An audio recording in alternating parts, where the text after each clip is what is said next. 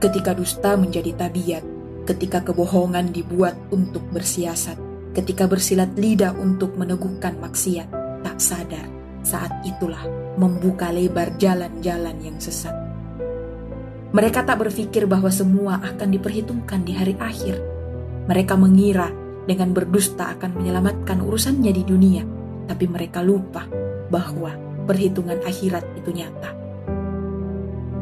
Orang-orang yang gemar berdusta, berbohong, menipu, mereka tak akan pernah selamat. Mereka akan jadi penyakit di masyarakat. Banyak orang tak merasa nyaman bila mereka mendekat. Petaka baginya akan sudah tercatat. Rasulullah Shallallahu Alaihi Wasallam bersabda, jauhilah kebohongan, sebab kebohongan mengiring kepada keburukan, dan keburukan akan mengiring kepada neraka. Dan sungguh, jika seorang berbohong dan terbiasa dalam kebohongan, niscaya di sisi Allah ia akan ditulis sebagai seorang pembohong. Dan hendaklah kalian jujur, sebab jujur mengiring kepada kebaikan, dan kebaikan akan mengiring kepada surga.